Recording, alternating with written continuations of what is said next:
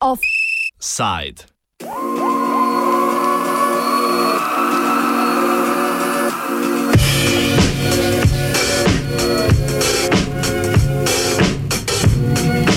Poslovni, nepodnebni vrh.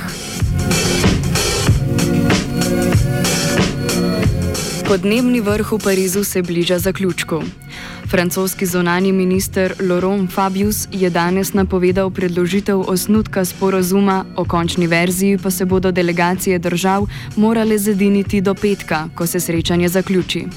Evropski minister Evropski komisar za podnebje Miguel Arias Canjete trdi, da Evropska unija ne bo sprejela kakršnega koli dogovora in da bi bil šibek dogovor še slabši izid, kot če dogovora sploh ne sprejmejo. Kljub temu pa je moč sklepati, da bo dogovor po vsej verjetnosti v najboljšem primeru šibek. Vsaj del odgovornosti za to leži tudi v intenzivnem lobiranju interesnih skupin privatnega sektorja.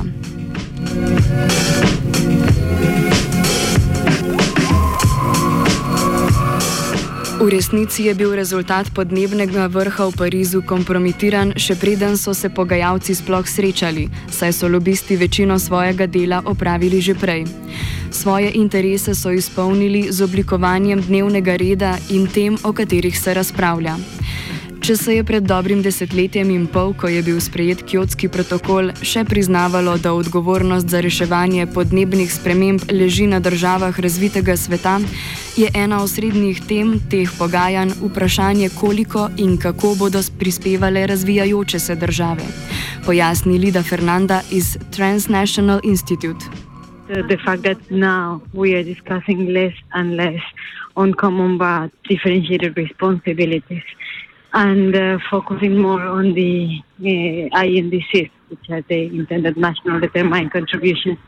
It's a way of denying um, the historical responsibility from northern countries and focus on involuntary contribution. So it's the fact that we are not recognizing the emission, the historical responsibility in emissions, uh, changed completely the options and the possibilities to find real solutions.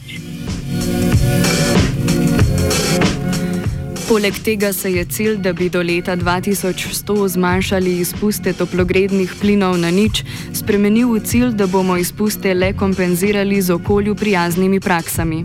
Razloži Pasko Sabido iz Corporate Europe Observatory.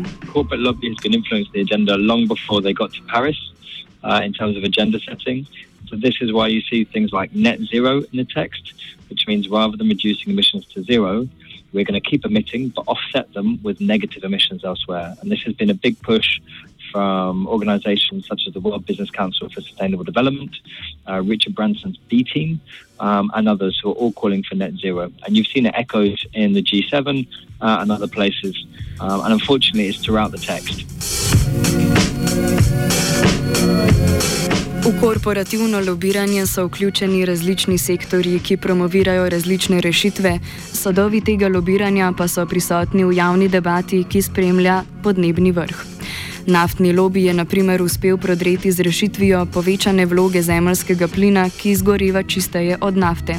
Avtomobilska in druga tehnološka podjetja zagovarjajo poudarjanje tehnoloških rešitev, ki bi polnile njihove mauhe in katerih učinek je pogosto tako majhen, da ne bi skompenziral niti povečanja emisij zaradi gospodarske rasti, kaj šele da bi te emisije zmanjšal.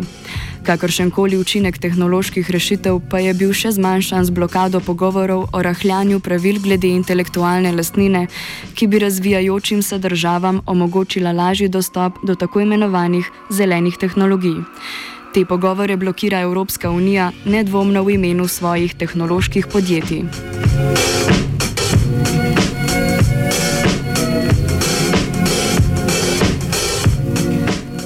Svoj diskurs so v pogajanja uspela vnesti tudi velika kmetijska podjetja, razloži Sabido. Uh, perhaps another quick example is uh, the approach to agriculture, and we're seeing climate smart agriculture uh, being promoted uh, both by the UN, by certain countries, including France, the Netherlands, as well as big agribusiness players like Monsanto, Syngenta, um, and the likes of Walmart, Kellogg's, um, and other sort of food suppliers. Uh, and this is really an attempt to not move agriculture towards a sort of small scale sustainable model, but to keep going with industrial agriculture, industrial inputs, but relabel it as climate smart. Um, so things such as fertilizer use, uh, which are hugely, hugely intensive in terms of fossil fuels, are now being branded as sustainable because they intensify agriculture, which hypothetically leads to lower emissions. But there's no actual definition of what climate smart agriculture is. Svoje interese pa v podnebnem dogovoru želi zagotoviti tudi finančna industrija, ki zagovarja tržne načine zmanjševanja emisij. Nadaljuje Sabido. Uh, in terms of the finance industry, they're involved in all sorts of areas uh, in the climate talks. Um, here in, as I said, here in Paris, most of the deal is already done. I mean, I don't think being here is going to be hugely influential, but what they are pushing for, uh, we've seen this at national level, is carbon markets uh, and private climate finance. So this means that some of the, the biggest coal financiers, gas financiers, you know, the same banks bankrolling climate change, are now trying to be eligible for getting money from the Green Climate Fund, which is supposed to go on climate adaptation and climate mitigation. Um, so rather than money going to developing countries, it could even be going to these banks as well as corporations. Um, and of course, climate um, carbon markets, another big area um, where banks have so far made a lot of money from financial speculation. So they're pushing for new in- uh, financial instruments to be created, uh, and it looks like through this COP21 they might be.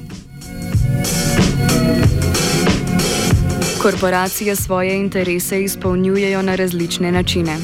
Javni diskurs obračajo v svojo prid s financiranjem raziskav domnevno neodvisnih akademikov. Greenpeace je te dni objavil raziskavo, v kateri so se njihovi predstavniki predstavljali za zaposlene v podružnicah naftnih podjetij in brez težav naročili dve raziskavi, ki bi prikazovali pozitiven vpliv podnebnih sprememb na kmetijstvo in zavračali negativne zdravstvene posledice uporabe premoga.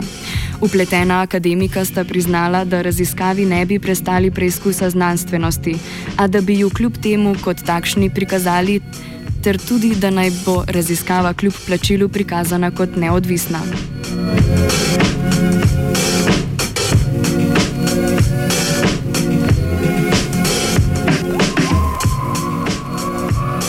Vpliv na odločevalce pa si interesne skupine zagotavljajo z nastavljanjem svojih predstavnikov na politične pozicije. Sabido našteje nekaj primerov. Let's start with the most obvious case, which is Christiana Figueres herself, the head of the UN talks. Before becoming head of the UNFCCC, she was working as a climate change consultant for Endesa. Uh, Endesa is one of the biggest energy utilities in Latin America, uh, in charge of gas, large scale hydro, and lots of other very polluting energy sources. And she worked for them and then went straight through the revolving door to become head of the UNFCCC. Uh, and let's say in this position of the UNFCCC, she's a big supporter of carbon markets and other things which are definitely in the interest of Endesa. But we've got it at all levels, particularly the EU. Uh, we released a report recently which showed someone from the World Coal Association, so the big coal lobby who organised the Coal and Climate Summit in Warsaw, has gone straight through the revolving door into the European Commission to work on their coal desk um, for the European Commission. So this itself is scandalous, but not surprising. It is happening not just here in Europe, not just in Latin America, it's happening all over the world.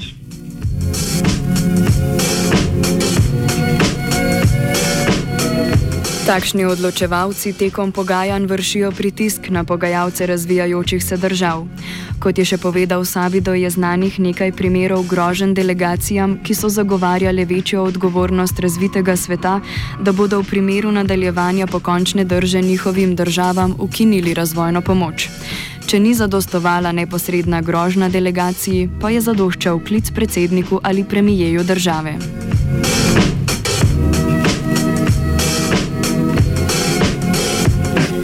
Tesnost povezav med političnimi odločevalci in njihovimi korporativnimi sponzorji se pokaže tudi ob pregledu sponzorjev podnebnega vrha v Parizu.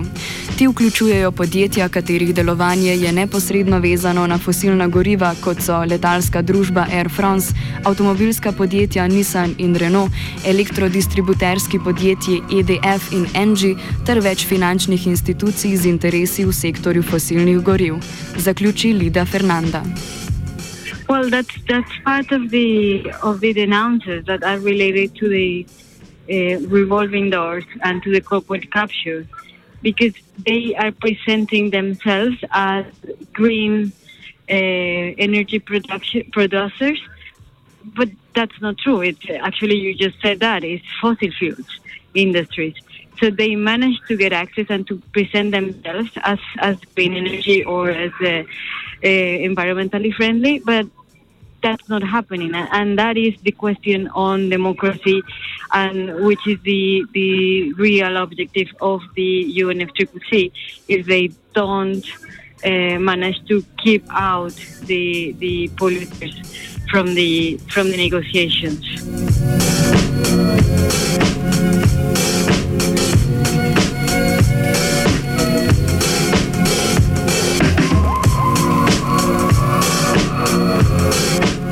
Offside je pripravil Twitter.